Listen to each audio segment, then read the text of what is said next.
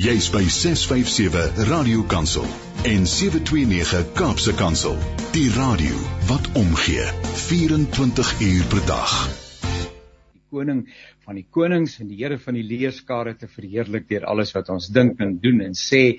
En dit is 'n wonderlike voorreg om saam met jou te mag kuier hier in die program Perspektief op 'n radiokansel. En soos jy nou al weet, ons kom naby aan aktualiteit. Ons luister met ons oor wat op die radio, op die TV en die nuusmedia aan die gebeur is. Dis die konteks waarbinne ons geroep word om ons getuienis uit te lewe eh, hier in Suid-Afrika en eh, ons leer en neem kennis van dit wat meningsvormers sê sê uh, sodat ons meer ingelig kan wees, meer relevant kan wees en beter besluite kan maak oor ons lewens. En daarom ook met so 'n bietjie intelligensie kan deelneem uh, aan gesprekke en uh, meer het om te sê as Ai, dis aan vreeslik, nê. Nee. Nou dit is vreeslik, maar daar's nou so 'n bietjie inligting wat ons ook met mekaar kan deel en indruk ons mekaar sommer op 'n lekker manier. Nietemin die programme van Radio Kansel, ook hierdie program is beskikbaar as 'n potgooi na afloop van die uitsending en dan kan jy weer luister, jy kan dit deel met uh, belanghebbendes natuurlik www.radiokansel.co.za en jy gaan soek vir potgooi en daar vind jy uh, dan nou uh, natuurlik vir perspektief. Eweneens ons uh, Sondag aktualiteitsprogram. Hierdie week gesels ons oor herlewing. Ashbury University in Kentucky in die VSA is daar iets merkwaardig aan die gebeur. Studente gaan nie huis toe nie. Hulle bly doodgewoon in aanbidding, lofprysing en uh, ook gebed en dit vir dae en dae en dae aan een. Alles kom tot stilstand, maar dit het 'n geweldige impak in die gemeenskap. En uh, ons gesels oor herlewing en ook ons versigtiging na herlewing hier in Suid-Afrika. Eerskomende Sondag om 1uur en dit sal lekker wees as jy ook daarop sal inskakel. My naam is Janie Pelser en weer eens baie baie dankie vir die deelname.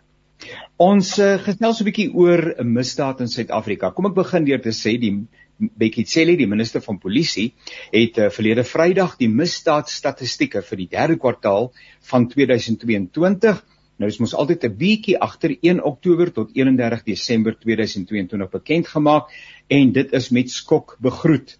Die statistieke wys dat 1101 vroue en 300 kinders in die 3 maande land landwyd vermoor is. Altemal altesaam 7555 mense is vermoor. Luister, luisteraars, in 'n uh, kort periode van 3 maande 7555 mense vermoor. Dan was daar ook 1636 voorvalle van poging tot moord op vroue terwyl 1579 ernstig aangerand is. Dis maar deel van die statistieke wat by daardie geleentheid bekend gemaak is. Ek stel vir julle baie graag voor aan Dr. Chris de Kok en hy's 'n voormalige generaal-majoor in die Suid-Afrikaanse Polisie Diens en hy is 'n man wat sy vinger op die pols het wat misdaad statistieke betref. Goeiemôre Dr. Chris. Goeiemôre en goeiemôre aan die luisteraars. Baie dankie vir die deelname. Vertel ons net so ietsie van u self. Waarmee is u elke dag besig? Wel, ek was vir uh, vir omtrent 18 jaar, 19 jaar by die uh, Raad vir Geesteswetenskaplike Navorsing wat vandag die HSRC genoem word. Daarna het ek by die polisie aangesluit in 95 as hoof van die Misdaad Inligting Ontleding Sentrum of die CIAC, C uh, Crime Information Analysis Center en uh, ek het toe daar gewerk tot ek die dag 60 geraak het. En my werk daar was nommer 1 om kapasiteit op stasie te ontwikkel om hulle eie ontleding te doen elke dag want dit is waarop dit is jou beste intelligensie basis. En dan natuurlik het ek ook die misdaadstatistieke vrygestel soos wat dit nou vrygestel word deur generaal uh, Norman Sekakuni. Uh so dit was en toe het ek afgetree maar ek het nog nie eendag stil gesit nie. Uh, ek is 'n konsultant en 'n analis van misdaad en ook skare gedrag en en die tipe van ding. Dis so voorreg om saam met u te kuier en ons gaan dit sekerlik in die toekoms weer doen. En dan die eerste keer dat ons skouers skuur, maar ek dis my 'n baie groot voorreg. Ek het al al dikwels raak gehoor op radiostasies en raak gelees in die media. Stefanie Fik En uh, nou ek het hier 'n beskrywing en Stefanie moet ons help. Daar staan Advocate Stefanie Fik, Executive Director of the Accountability Division at the Organisation Undoing Tax Abuse, ook bekend as OUTA.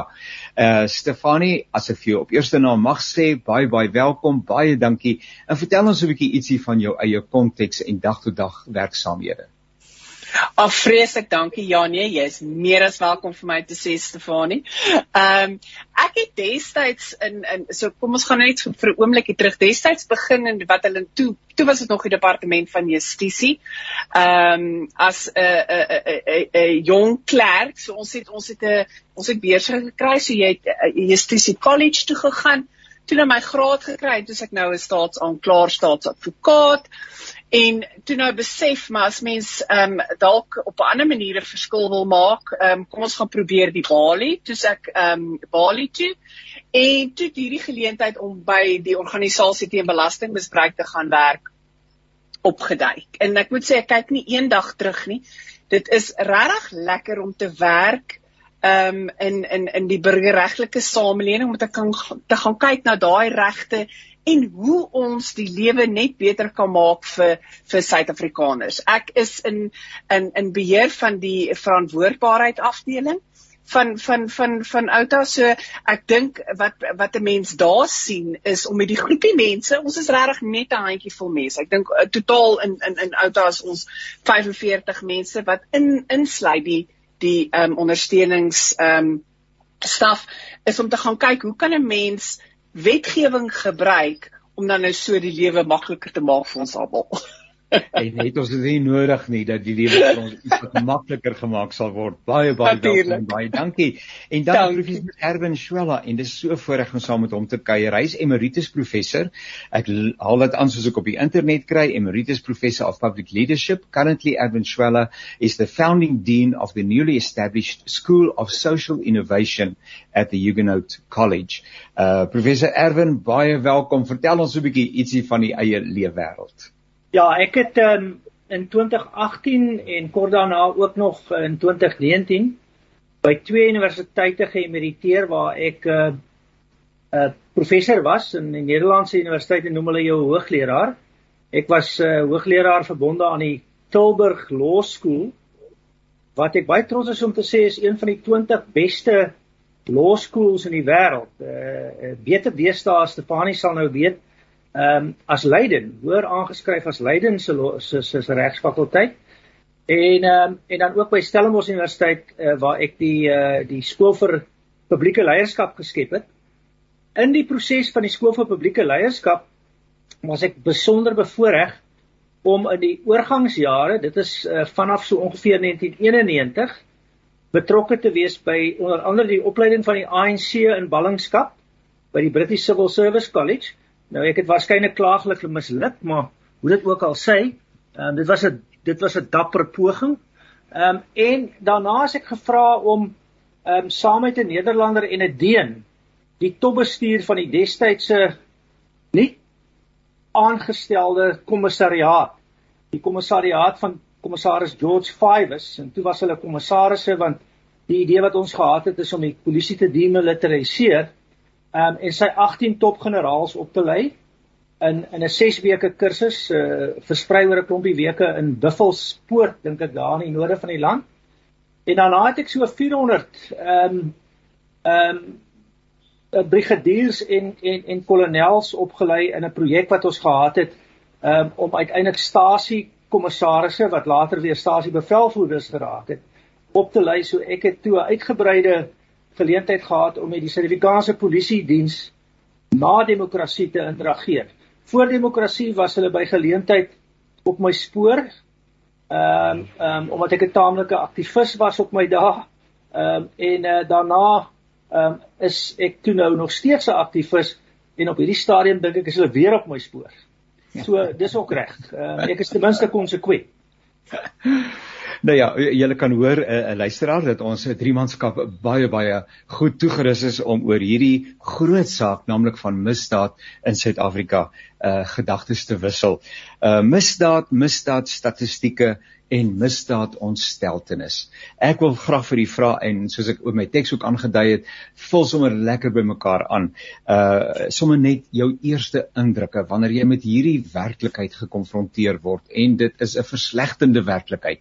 Uh wat gebeur in 'n ou se hart? Wat beleef jy? Wil jy sommer handdoek ingooi, die naaste skip klim en kyk waar hy uitspoel, soos 'n Jona weghardloop en sê daar's geen selftes meer aan Ninive nie, uh of hoe voel jy oor hierdie dinge? En gaan sommer uh, by Stefanie begin en as op my skerm het ek daarna vir Chris en dan het ek vir Erwin so kom ons kuier so in die ronde asseblief Stefanie Ja, dit niemand sal met ons verskil dat die die misdaadsyfer is is is regtig 'n 'n probleem. En alhoewel dit 'n ongelooflike groot impak het op samelewings, ehm um, ehm um, het dit ook 'n groot impak op ons ekonomie. Ek meen buitelandse investering Ehm um, wie sal nou hier wil kom investeer as hulle nie eers 'n hoofkantoor hier kan hê nie want die misdaad is regtig besig om ongelooflik ehm um, hand uit te ruk. Ek wil dit nie die, ek wil die oplossing van die probleem nie ehm uh, um, uh, minimaliseer nie. Ek dink dit is 'n groot probleem en dit is ehm um, maar ek dink as daar 'n bietjie politieke wil is, kan ons werklik waar uh, die die probleem probeer ten minste minder maak.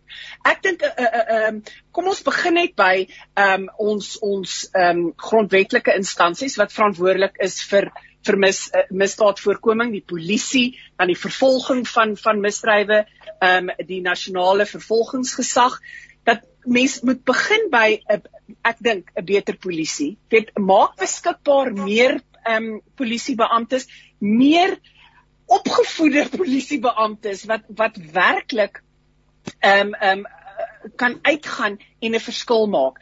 Ek dink die probleem daar is is onder andere ek meen dis nou jare terug en en dis nou nie regtig nie my ehm um, veld van van expertise nie, maar as ek net dink aan behalwe vir misdaadvoorkoming is daar misdaadintelligensie vir mense om te verstaan waar is die die knelpunte waar kan ons 'n verskil maak en sodoende gemeenskappe te help um, om om om om om om dan nou die die misdaad wat 'n krisis is in hulle omgewing te takel. Want ek dink elke gemeenskap het dan nou nog ook sy eie sy eie sy eie probleme.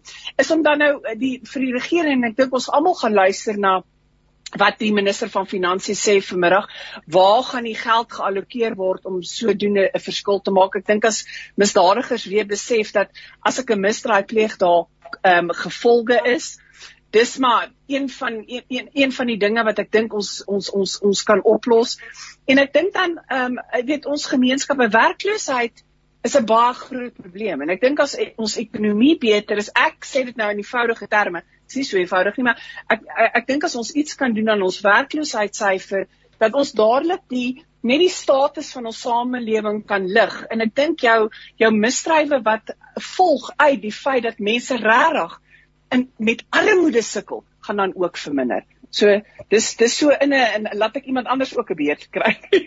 In my hele opmerking, uh, Chris, uh, as ek dan moet dink aan iemand wat 'n leeftyd besig is met hierdie dinge en so aan en dit lyk nie asof daar 'n einde is nie asof dit uh, eenvoudig net hand oor hand toeneem 'n ou moet seker in jou eie gemoed soms voel ek wil nie meer met die goed werk nie of dit krap seker net verskriklik om 'n uh, inleidende ja. opmerking oor Suid-Afrika en sy misdaadkrisis kyk uh, dat daar's geen twyfel hier uh, want want jou mees stabiele misdaad tendens, die een wat jy kan vertrou, wat jy betroubaar is, is jou moordsyfer.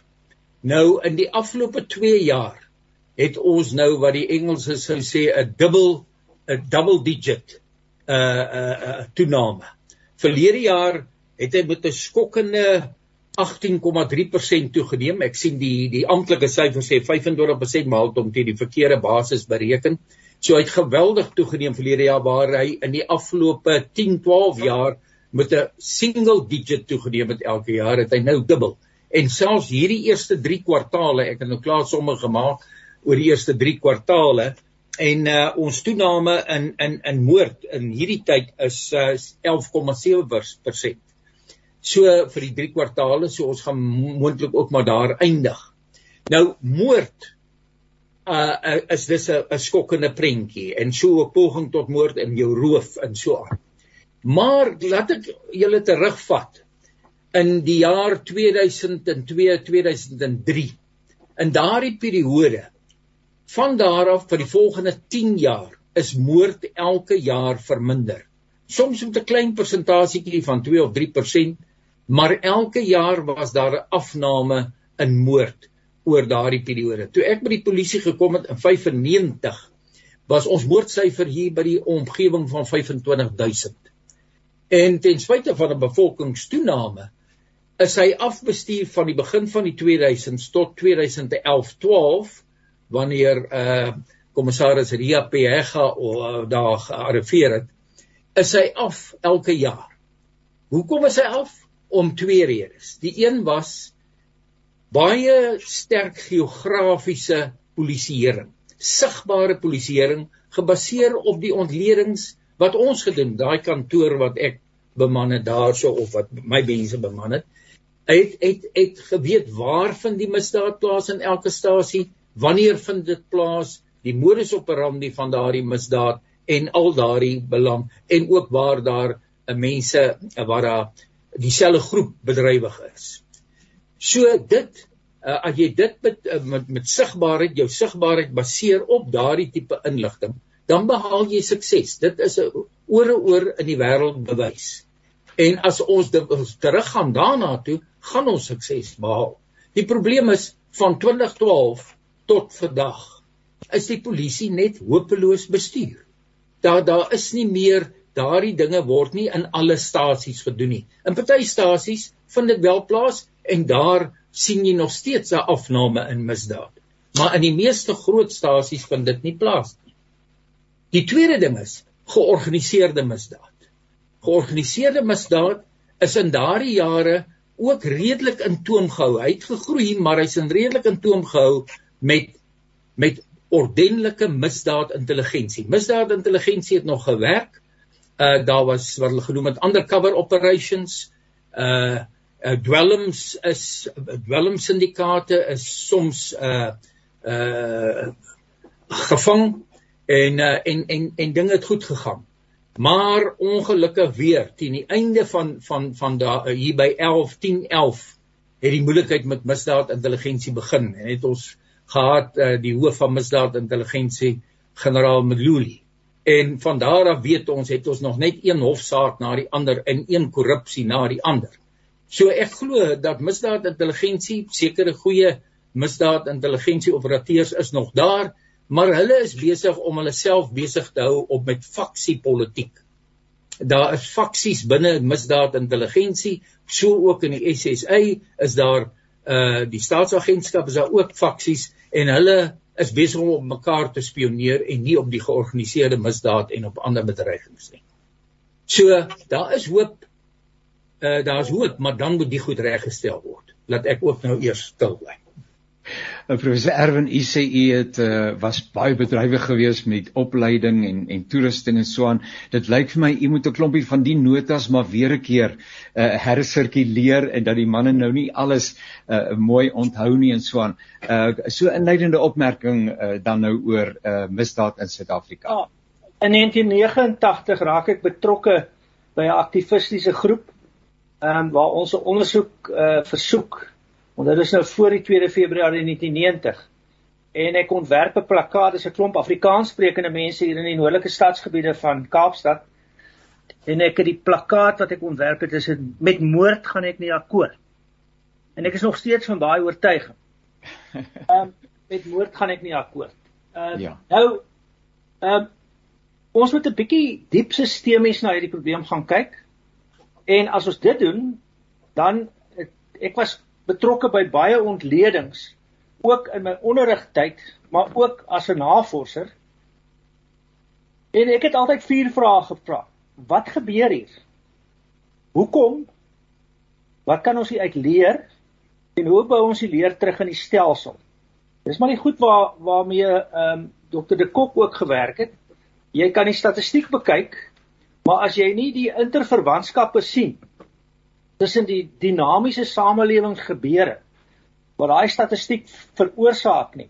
En dit lê op sosio-ekonomiese, politieke, regeerkundige vlak en uiteindelik ook binne die polisieering en al die instellings wat daaraan gekoppel is. Nou as ek as ek as ek nou nie op al die veranderlikes wil ingaan nie, want dit sou my hoekom vraag beantwoord. Dit is gewoonlik dan 'n hipotetiese voorveronderstelling van die verband of statisties of oorsaaklik tussen verskynsels. Maar as ek nou nie op al daai goed wil ingaan nie, dan sê ek nou wat ons hier het as 'n sterk tussenkomende veranderlike is aanduidings van deurlopende en verslegtende institusionele verval. En dan praat ons nou nie van die polisie as 'n organisasie nie, dis ook 'n instelling, maar wet en orde is ook 'n instelling. Die regs die regstelsel is 'n instelling. Die ekonomiese stelsel is 'n instelling. So ons het ons het daai verklaring kan 'n mens nou uitpak. Ons het institusionele verval in die ekonomie, die politiek, die samelewing, dit het dan morele implikasies en 'n verskeidenheid anders. En dan word die vraag as ons hierdie goed wil regmaak, dan moet ons verseker gaan kyk na die belangrike oorsaaklike verbintenisse sê nou maar tussen verhoogde misdaad en ondoeltreffende polisieering. Maar dis nie al veranderlike nie. Daar's 'n klomp ander veranderlikes. Hmm. Maar terselfdertyd beteken dit ook nie dat omdat daar 'n klomp ander veranderlikes is, dat ons nie aan polisieering moet werk En ek vind dit noem ons in die teorie wat ek bestudeer het werkvermydingsgedrag. En die vyand is iewers anders. So die polisie sê almal dit is eintlik die sosio-ekonomiese faktore. Die die die die die die die kerke sê dis eintlik die polisie. En uiteindelik is dit ons almal. So ons het ook 'n diep sistemiese verandering en 'n institusionele verandering nodig in al die instellings van ons samelewing. En as ek daaraan iets moet koppel, dan moet ons op een of ander manier terugkom by 'n situasie waar almal die idee het en dis nou nog 'n veranderlike van morele leierskap. Leierskap met integriteit. En leiers is nie net die generaals nie. Terloops sedert om die institusionele verval net te kategoriseer en te voor te stel na generaal Fives of kommissaris Fives het ons nog nie een Uh, en ek weet nie hoe ver is ons nou van die nuutste kommissaris nie. Polisiekommissaris in die land gehad wat nie onder 'n wolk by die polisie weg is nie. Vanaf Jackie Selebe waaroor ek 'n artikel geskryf het oor sy slegte leierskap en baie verkwalik is daarvoor dwars deur tot voor generaal Masimole was er ook maar probleme met generaal Setolle. Ons het 'n vorm van inspirerende maar ook institusionele morele leierskap nodig vanaf konstabel vlak in die polisie tot by een van die 4500 generaals waarvan daar veel te veel is. Um en dwars deur die politiek en die sakewêreld, ons sal ons waardes moet herontdek. En daai waardes is vier: integriteit, deernis, empatie en wederkerigheid. En daaroor kan ons so uitbrei. Maar ons het 'n diep sistemiese probleem met misdaad in Suid-Afrika wat onder andere grootliks as dit ware ook samehang met swak polisieering. Daaroor kan ons praat, maar sal oor al die al die ander goed ook moet praat. Ek kan hoor dat dit 'n geweldige komplekse probleem is en eh, dat dit nie eenduidig opgelos kan word nie. Ek het net gesê ja nie. Sodra ons ja. kompleksiteit daaraan gee dan wil die dan wil die president nog 'n minister. Hy wil vir elke komplekse probleem wil hy nog 'n minister aanstel. Nou dit moet ons ook keer. Ons het nou al 'n ja. minister vir elektriks. Ons moet ja. vragtig nie nog 'n minister vir misdaad, korrupsie uh, uh, kry nie. Ons het al te veel van hulle. Dit word dan die probleem. Dan het ons later 'n minister vir ministers nodig want hulle is die probleem. Ja. maar nou goed, 'n mens kan ook nou nie alles in een program aanspreek nie en en en iewers moet hierdie goeters ek het 'n prof gehad toe ek 'n uh, jong dominee was uh wat 'n uh, deel van ons bestuursraad was, ons kerkraad was en uh, ek was 'n bietjie van 'n rebel as dominee, uh amper soos Erwin, 'n bietjie van 'n uh protes persoon en uh, dan het hy altyd gepraat oor besluite en besluite moet gedomisileer word. Dis nou 'n groot woord, nê? Nee? Nou goed, ek weet nie eintlik hoe ons hierdie totaliteit vandag iewers kan domisileer nie behalwe dat elke luisteraar eintlik na homself moet kyk en moet sê in watter mate is ek deel van die probleem maar kan ons wanneer jy da wanneer jy praat oor misdaad dan hoor jy polisie Uh, dit is nou maar so. Uh, uh, uh, en terwyl ek nou hoor wat Erwin sê en ons saam met mekaar gesels, uh, blyk daar tog 'n groot probleem in band te wees. Uh en leierskap was die ander tema wat by julle almal uh, na vore getree het.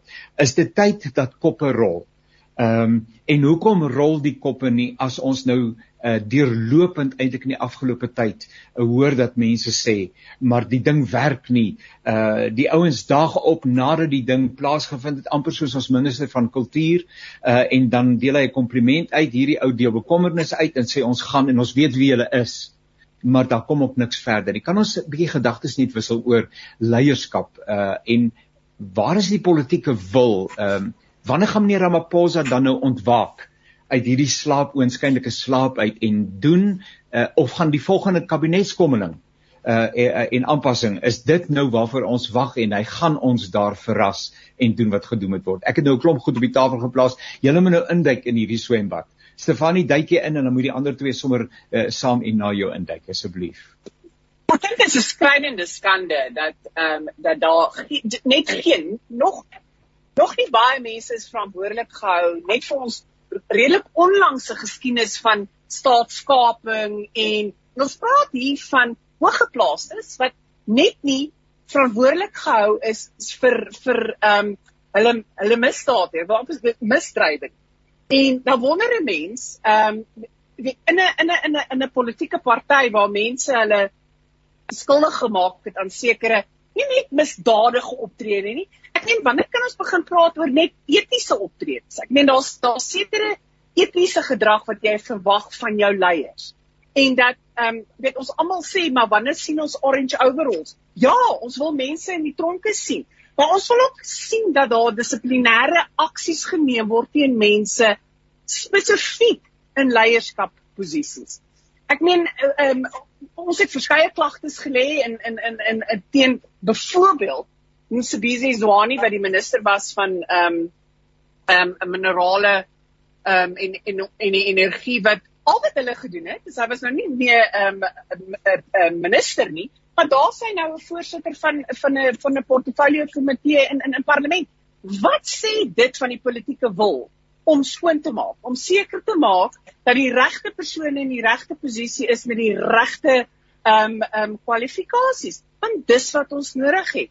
So ehm um, as dit nou kom by by misdaad moet mens wonder maar is daar nie dalk 'n uh, en ek wil nou nie soos 'n weet daar raak altyd conspiracy is ehm um, ten opsigte van die klas van ding nie maar mens wonder is daar nie 'n ander rede hoekom ons sukkel om om ontslae te raak van die mense wat sekere goed ehm um, ehm um, uh, wat verantwoordelik is vir goed nie? Want iemand soos die minister van Beggie Pelly, I mean, hy het nou nog net nie 'n impak gemaak op ehm um, die polisie. So, hoekom hou ons aan? Maar dan is jou vraag ook, weet ehm uh, uh, uh, uh, is dit die president wat sekere mense nodig het in sy kabinet om dan nou polities verder te gaan. Ek dink dis regtig tyd dat dat ehm um, ek dink die kiesers, kom ek sê so, ek dink die kiesers op die ou einde van die dag moet regtig terugsit en gaan kyk ehm um, wat wil ons sê en wat wil ons nie hê nie. Wil wil ons um, iemand het byvoorbeeld gesê dink is daar weer daar weer rood wat gesê het. Gaan kyk nou by die minister van finansies.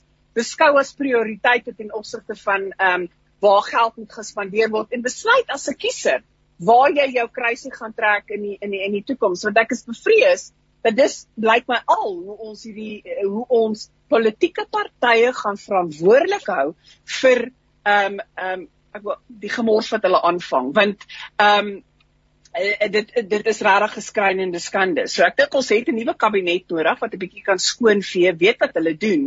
Ehm um, en en en sodoende die leiding te gee vir departemente want departemente is die, is die ouens wat die werk doen. So as jou minister nie die leiding gee in polisie nie, hoekom sal die departemente dan nou enigstens ehm um, uh, uh doen wat hulle veronderstel is om te doen. Kan ek af afsy deur net die volgende te sê.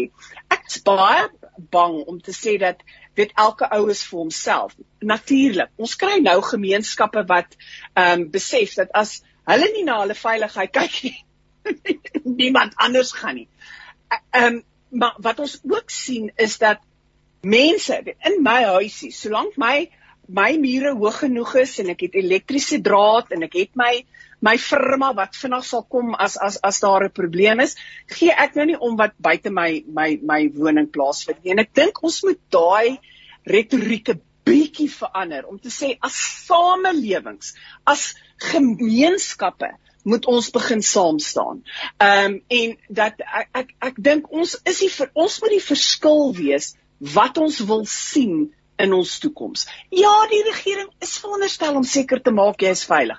Ja, die regering is veronderstel om vir jou genoegsame elektrisiteit te verskaf. Maar as ons net bietjie ons hande gaan vuil maak in in hierdie situasie waarin ons sit nie, is ek bevrees dat ehm um, ek ek, ek dink ook nie ons gaan 'n verskil sien nie. Dis regtig tyd vir gemeenskappe om saam te staan, om te besef ons probleme is dieselfde en dan om ons stemme dik te maak en dan nou 'n eh, eh, eh, sekere oplossings te vind vir vir byvoorbeeld die misdaadprobleem.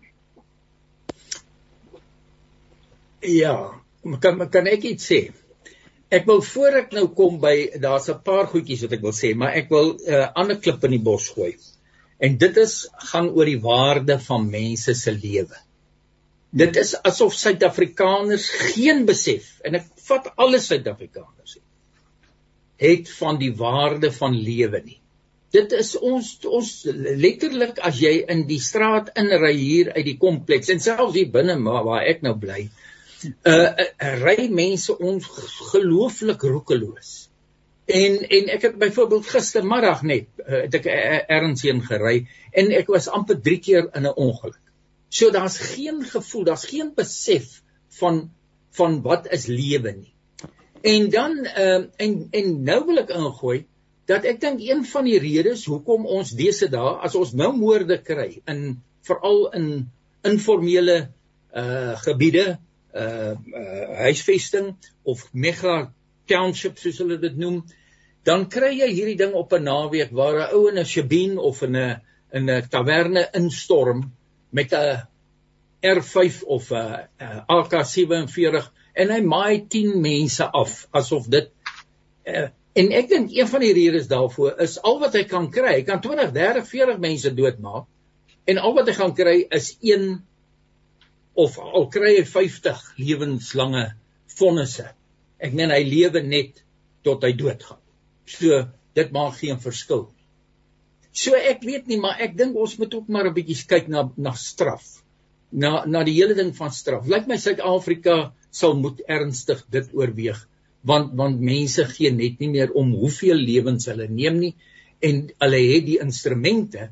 En dan dan uh, onmiddellik is daar weer 'n argument gewees nou op die media uh Vrydag toe die statistiek vrygestel is daar moet beter wapenbeheer wees.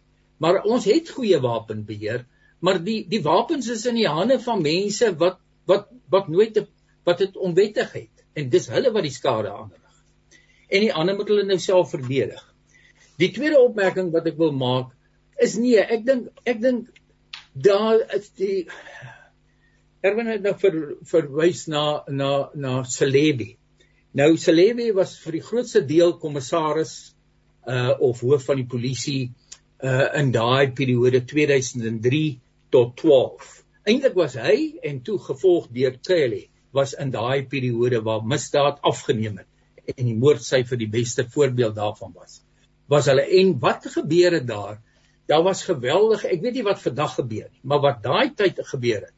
Uh, alhoewel hulle nou albei later aan korrupsie en nou 'n bietjie van 'n wolk oor hulle gehang het en en Celebi skuldig bevind is uh aan aan oortreding daarvan. Uh maar hulle het geweldige fokus op misdaad.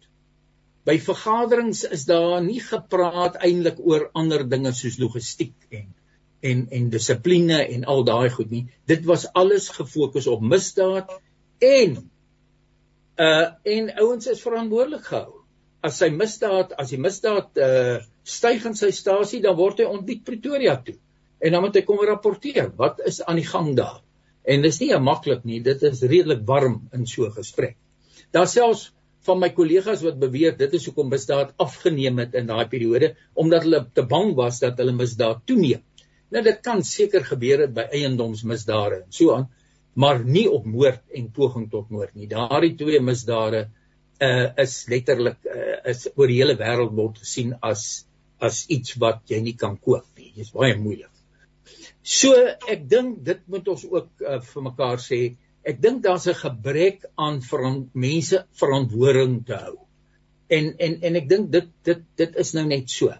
So ons moet 'n leierskap kry met dieselfde eienskappe wat mense kan verantwoordelik hou en waarvoor mense half bang is, laat ek dit so stel. Dan 'n laaste punt wat ek wil maak.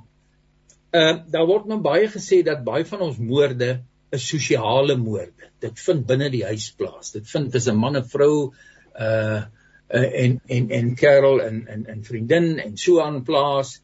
Maar uh die feit van die saak is, dit is wel 50% van ons moorde. Maar die vyfde en dit is moeilik polisieerbaar want jy kan nie 'n polisieman in elke huis hê nie. So as die mense begin argumente optel en beklei en as hulle te veel drink en dan beklei en uh, en mekaar doodmaak, dit is moeilik en daar moet elke mens na homself kyk en na sy eie omstandighede. Maar daar is 'n groot gros van ons moorde wat om twee faktore draai. Die een is straatroof. Nie straatroof hier waar mense soos ons bly nie in die in die in die in die in die woon in ons woonbuurte nie, maar in die groot mega informele plakkerskampe en groot mega townships soos byvoorbeeld Khayelitsha. Nou ek het toe ek nog by die polisie was 'n ontleding van Khayelitsha gedoen. Dit was vir die die kommissie wat daar was van die DA. En uh, en ek het gevind dat 'n derde van die moorde in Khayelitsha is waar mense in die laatmiddag aand en die vroeë oggendure maar veral in die aand van die werk af moet gaan met 'n bus en 'n en 'n taxi en dan baie lang afstande stap in in donker omstandighede. En dan word hulle gekonfronteer met 'n ou met 'n mes of 'n 'n vuurwapen en dan maak hulle daardie persoon dood want hy mag hulle later uitken en roof daai persoon van van 'n klein bietjie geld of wat ook al selfoon. En dan gaan die gemeenskap die volgende dag en hulle sê nee maar ons weet wie dit gedoen het en hulle gaan vang daai ouens en dan het jy vigilantes uh die bos uh uh wat noem dan regtigheid ja, die reg ja. van die van die van die oerwoud maar ja, ja. jy dit dan en dit veroorsaak 'n derde van die van die ook weer 'n derde van die moorde so 66% van die moorde in Kailicha en ek glo dit gaan vandag nog aan want daardie Kailicha kommissie se verslag van 4500 bladsye staan maar net in stof opgaar erns op 'n rak. Niemand pas dit eintlik toe nie. As daai goed toegepas word in 'n plek soos Kailicha en die honderde ander Kailichas wat ons in Suid-Afrika het, dan sou ons al ver gevorder het. So 2/3 van ons moorde is wel beheerbaar in baie plekke. Erwin uh uh, uh, uh, uh Chris het gepraat byvoorbeeld van Sabine en Taverne. Uh, hy het nou gepraat van die Kaapse vlakte, uh Khayelitsha en sulke plekke en so aan. Uh is is die moordsyfer en die moordsituasie in Suid-Afrika uh is dit demografies uh van aard. Uh asof is sodat dat mense gemiddelde mense sou kon sê maar dit raak my nie want dit is nie by my nie. Uh dit is daar ver, dis op 'n ander plek. Is is moord ons probleem of is moord 'n gelokaliseerde probleem uh byvoorbeeld in die Kaapse vlakte en die politieke moorde in KwaZulu-Natal en dies meer dat 'n mens daarom net 'n bietjie perspektief moet bring wat dit ook betref. Wel, kom ek begin maar waar ek net ook begin het met moord gaan ek nie akkoord. Nee? Ja ja. Nou die punt is jy kan gaan kyk na die statistiek. En hy het ons mos die ou gesegde there are lies, damn lies and statistics. Ehm um, dit hang af hoe jy die statistiek interpreteer. Dit sal dokter ja, ja. ook uh, ook baie definitief ehm um, mee saamstem vermoed ek. Nou dit is so dat as jy gaan kyk na bevolkings samestelling en ons wil probeer wegkom van die kategorisering van mense af. Ja ja. Jy kan dit nou doen die die die die die die slegste manier om dit te doen is om dit op ras of kleur te baseer. Ja. Uh want as 'n klomp tussenkomende veranderlikes. Jy kan baie maklik wat ons noem 'n onegte verbintenis sien. 'n Spurious relationship op die oppervlakkige beskouing van statistiek. Want wat jy sien as 'n verklaring en en as ons na mense soos ons kyk, sit daar nog 'n stewige klomp rasisme ook by almal van ons, myself ingesluit. Dan sal ons baie maklik die afleiding wil maak dit is 'n dis 'n kleur en 'n ras ding. Uh dit dink ek is uh, is 'n oorvereenvoudiging. Jy moet gaan kyk na sosio-ekonomiese omstandighede, na politieke omstandighede. Dit sal interessant wees as ek nou vir Chris kan vra uh in sy onlangse ontledings, as jy gaan kyk na die stygings in die laaste 2 of 3 jaar, ook verwysend na wat jy gesê het Jannie, um, dan dink ek is daar 'n taamlike stygings in politiek verwante moorde wat waarskynlik bydra tot die tot die tot die groot totaal ehm um, wat die tendense in die stygings is persentueel daai statistiek het ek nou nie. Maar dit het nou 'n bydraende faktor geword. So ons het ons het die ons het die die die die die die roof ehm um, in Kailicha terloop daai verslag vergader ook stof op my rak uh, dokter de Kok ehm um, maar hoe dit ook al sê ehm um, so ek ek sou baie versigtig wees uh om te sê dit het nie net uh, dit het net te maak met die eerste oogopslag waarneming. Jy moet dieper gaan analiseer. Ehm um, en dan kom jy by 'n klomp dimensies uit, sosio-ekonomiese omstandighede, politieke omstandighede, ontwikkelingskwessies, uh behuising.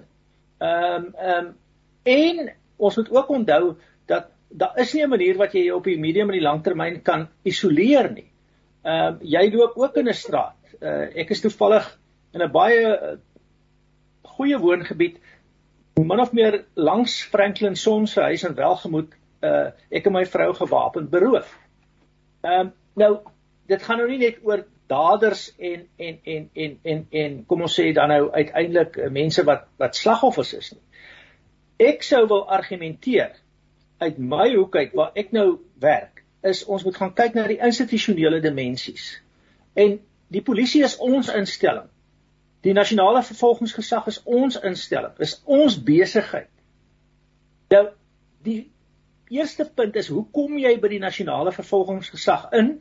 Dis nou voor my en Stefanie se tyd. Ek was ook 'n staatsanklaer selfs op my dae, nog 'n bietjie van die tyd wat ek oorgegaan het voor ek by die universiteit gaan werk het. Hoe kom jy in die kabinet in? Die belangrikste besluit wat jy neem in enige organisasie is die aanstellingsbesluit.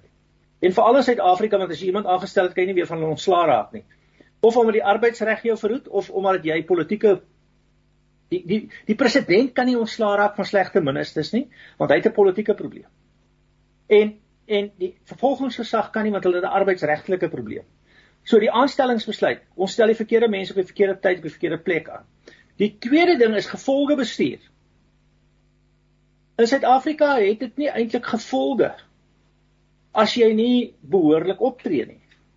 En dit hang saam met drie ander goed wat gebeur. Ons het ons instellings verpolitiseer eerder as geprofessionaliseer. Nee, ons het nie meer 'n professionele ethos, ons het 'n politieke ethos in ons in ons instellings. Tweedens het ons geskuif van idees, goeie idees en innoverende idees na ideologie toe. Ons bedryf ons instellings op 'n ideologiese basis, nie op goeie idees nie. Die derde ding is is werk in Engels beter as in Afrikaans. Ons bestuur nie gebaseer op evidence nie. Ons bestuur op grond van emotions. So so so as jy daai drie faktore saamneem, 'n verpolitiseerde, verideologiseerde en uiteindelik 'n emosionele institusionele kultuur, dan is daar geen gevolge nie behalwe dat jy weet dat as jy politieke beskerming het, dan gaan jy daarmee wegkom. En dis deurloop in die geval. As jy nie politieke beskerming het nie, dan het jy nog 'n kans om 'n oranje oorpak te dra om vir Stefanie ander. Maar as jy politieke beskerming het, gaan dit nêrens nie. So dis 'n dis 'n dis 'n ons het 'n inherente maffia-agtige institusionele staat in al ons instellings werk so op plaaslike owerheidsvlak dit werk so en dan die finale punt culture Trump's strategy every time. Jy kan die beste strategie hê. Maar as die kultuur gebaseer op die waardes is, dat dit daar is nie integriteit nie, daar's nie empatie nie, daar's nie wederkerigheid van ek doen goed aan die ander so en en, en daar's ook nie deernis nie. Vergeet daarvan. Jy kan honderde strategieë hê. En dis ons probleem. So ons gaan terug, daar's 'n ernstige kwessie met waardes in ons samelewing en as 'n ernstige kwessie met morele leierskap as 'n as 'n deel daarvan en dan institusioneel stel ons die verkeerde mense aan en hou hulle in diens of polities of of professioneel en daar's geen gevolge vir die wanbestuur vir die korrupsie en die wanadministrasie nie. En dis 'n redelike diep sistemiese probleem.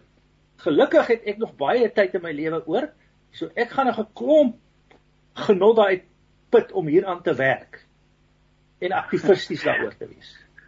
Kollegas, ek gedink dat julle my kan hoor uh, as gevolg van ehm um, 'n konnektiwiteitsprobleem aan my kant is ek nou op 'n ander manier met julle verbind.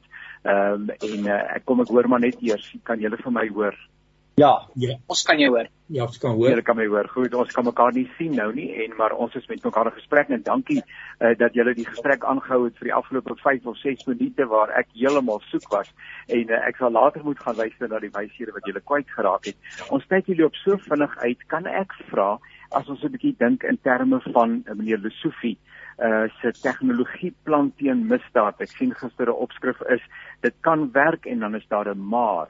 Uh ek weet Chris het ook daaroor uh ietsie te sê gehad en sommer meer Sofie uh lyk vir my is nou ernstig oor die misdaadprobleem en wil al wat leef en beef en ook alle tegnologiese uh, goederes wil hy nou inspann drones wat die wêreld gaan vol vlieg en uh, mense gaan persoonlike paniekkloppies sê en dis meer uh, is dit hoegenaamd realisties en haalbaar?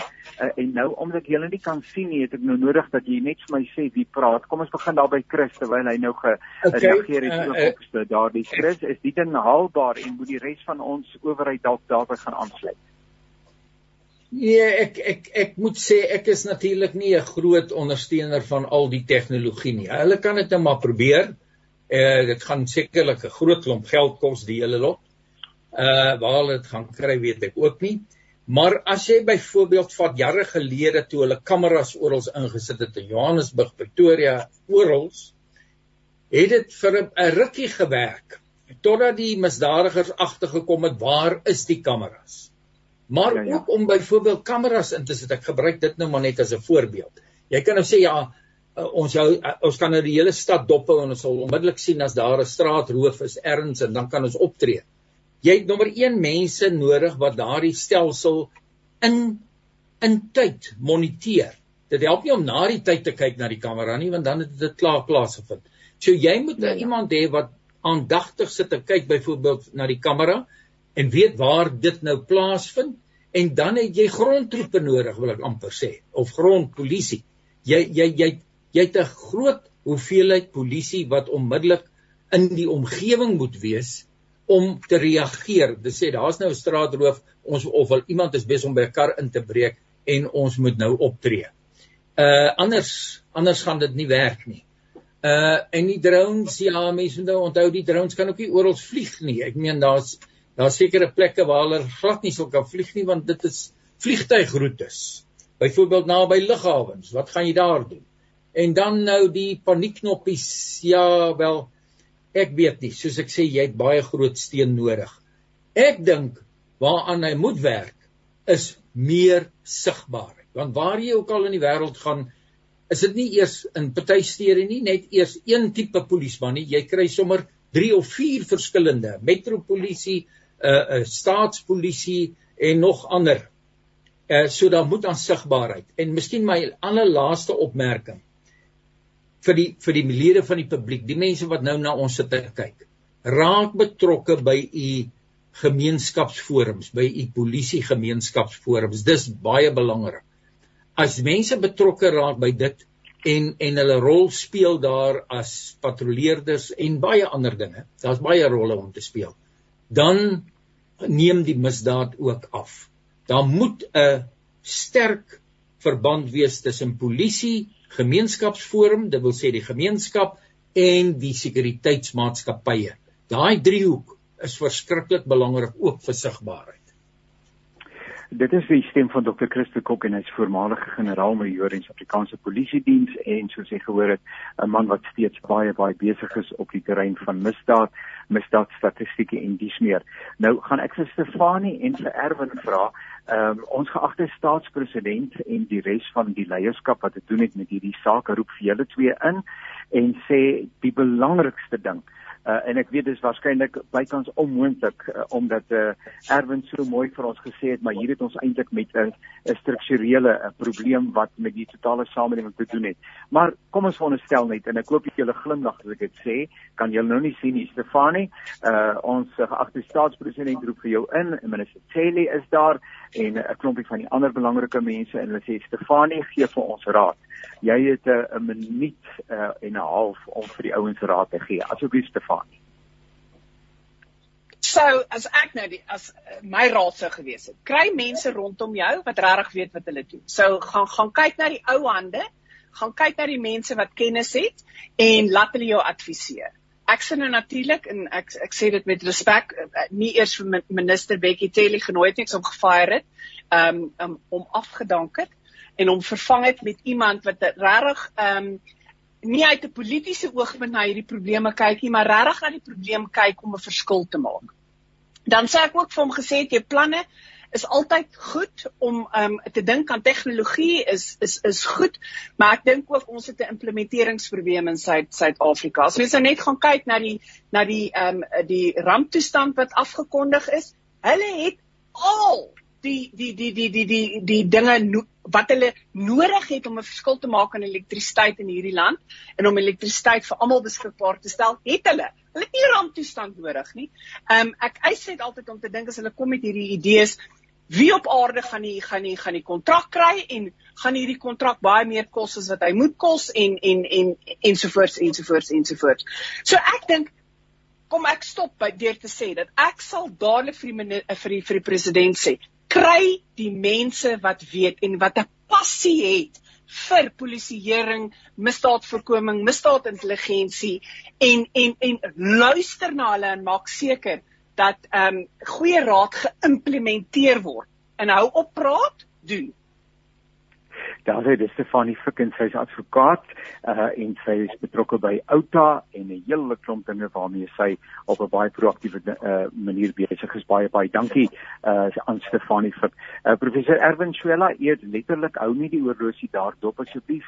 Eet 'n minuut. Kom ons druk dit vir 'n minuut en 'n half en uh u sê u gaan definitief sê 'n polisie vir misdaad voorkoming nog een en nie so wat sou u aanbeveel in hierdie minuut en 'n half wat u het Wel, ek sal begin deur te sê ons het nie 'n state of disaster nodig hê. The state is the disaster. Né? So so ehm um, wat ek sal sê is, is as jy enigsins kan, kom weg van 'n gesentraliseerde benadering van polisieering.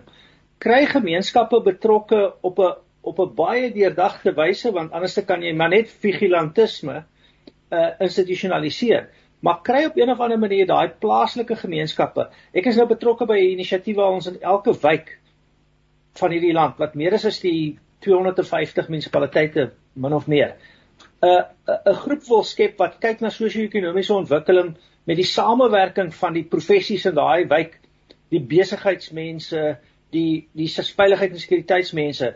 Ehm um, en as jy dan 'n klompie van daai wyke kan kry om uiteindelik te kyk na hulle eie ontwikkeling want dis 'n een deel daarvan armoede verligting omgee en dan polisieering. Dan gaan jy beter regkom. Hou op met die sentralisering. Dis nog 'n teruggreep na ou stalinistiese modernistiese soort van sieninge wat alles wil sentraliseer om onder andere dit te kan besteel nê om dit om dit te beroof.